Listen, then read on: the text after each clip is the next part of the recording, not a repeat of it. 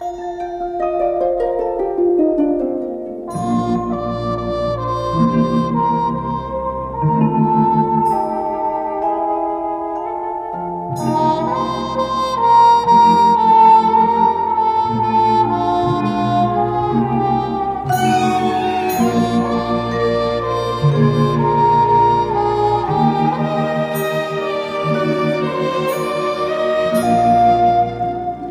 Dober večer, otroci.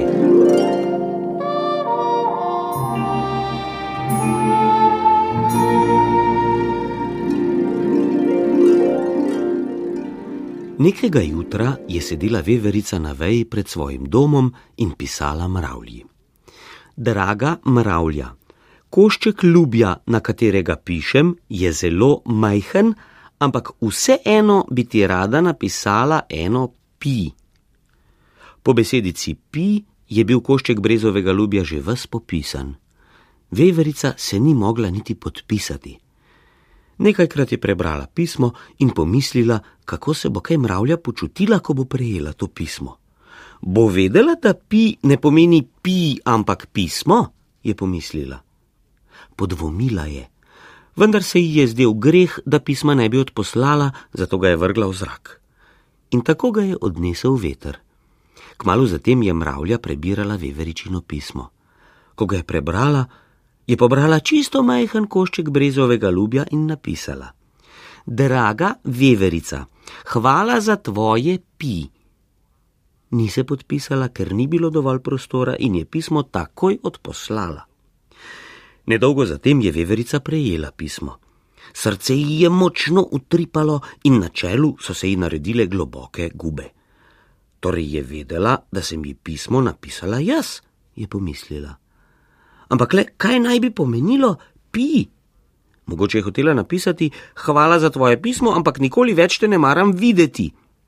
E, ali pa hvala za tvoje pisarjenje, ampak drugič mi napiši raje pošteno pismo.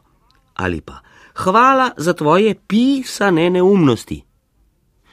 Veverico je streslo od mraza in hitro je začela iskati po vseh svojih predalih in po vseh kotih v hiši, dokler ni odkrila še enega, zelo, zelo majhnega koščka brezovega ljubja.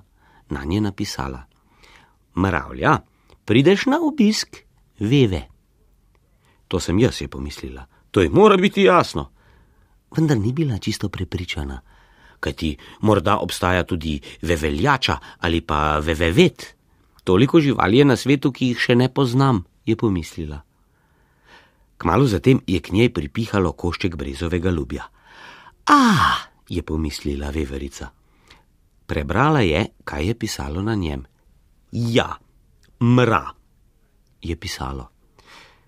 To je od mravlje, je pomislila veverica. Zagotovo je od nje in poskočila je ter prinesla iz omare največji lonec žirovega medu in ga kar takoj nadevala z vrhen krožnik. Se ne bo trajalo dolgo, da bosta z mravljo sedeli za mizo, ker si imata toliko povedati, tisoč in eno stvar, ki jih tako in tako nikoli ni mogoče napisati. Nekega popoldneva je slon sedel v travi pod brezo. Bili so prvi poletni dnevi, sonce je sijalo in brezovo listje je šuštelo in šelestelo. Le kako se ima kaj ješ, je pomislil slon. Bi ga šel obiskat? Zamislil se je. Sicer pa mu lahko napišem pismo, je pomislil. Pokimal je in sklenil, da bo ježu napisal pismo. Zgrabil je kos brezovega ljubja, zamižal na eno oko in začel. V, je napisal. Zatem je položil rilec zraven ljubja in pogledal, kaj je napisal. Hotev je napisati, dragi jež, tudi poznal je samo črko V. Vedel je, da ima abeceda še več črk, tudi vse druge črke so se mu zdele precej nerodne in neuporabne. Odkrito rečeno, je pomislil, je ena črka čisto dovolj. Prikimal je in napisal: V, v, v, v,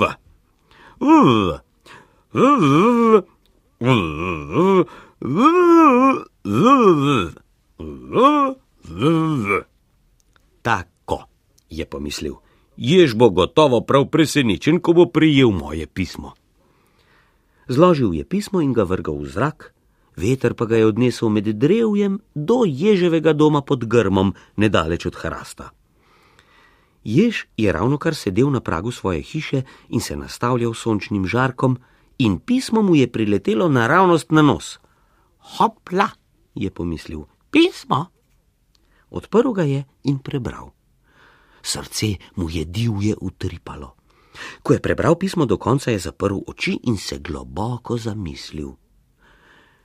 Še nikoli dotlej se ni tako zelo globoko zamislil. Iglice so mu zažarele, tako da je bil videti kot kak rdečkast osad. Le kdo naj bi to bil? Vuv, je pomislil. Kaj ima mogoče e, tudi iglice? In je morda zaradi tega prepričan, da sem tudi jaz? Vuv. Ampak to je pač velika zmota. Vedel je, da se veter nikoli ne zmoti in da je bilo pismo zagotovo naslovljeno na njega. Stopicljal je malo levo in desno pred svojim pragom in še enkrat prebral pismo, znova in znova ga je prebiral, dokler ga ni znal že na pamet. Moram mu odpisati, je pomislil. Na vsako pismo je treba odgovoriti, vedno. Sklonil se je in na kos ljubja napisal: Dragi V, hvala za tvoje pismo. Zelo me je razveselilo, da sem dobil pismo od tebe vendar jaz nisem v, temveč ješ. Ni vedel, kaj naj bi še napisal, podpisal se je, zložil pismo in ga vrgal v veter. Kmalo zatem je slon prejel odgovor. To je pa ježevo pismo, je pomislil, vendar ga ni odprl. Branje pisem ga ni nič kaj mikalo, kadar so bile napisane tudi druge črke, ne samo v. Nocoj si ga bom položil pod vzglavje, je pomislil, tako bom slišal, kaj pravi jež. Proti večeru je odšel domov.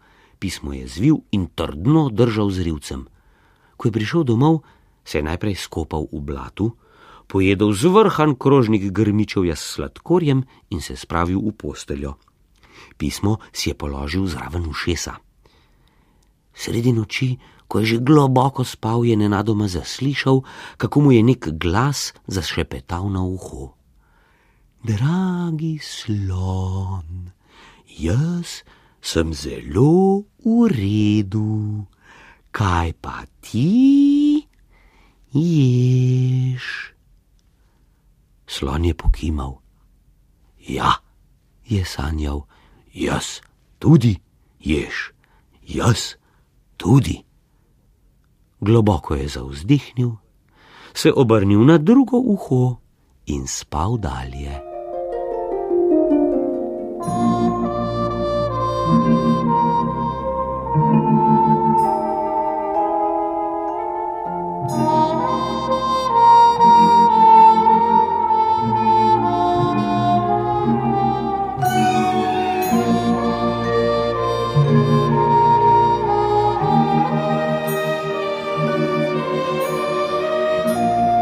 Spite, otroci? Želimo vam sladke sanje in lahko noč.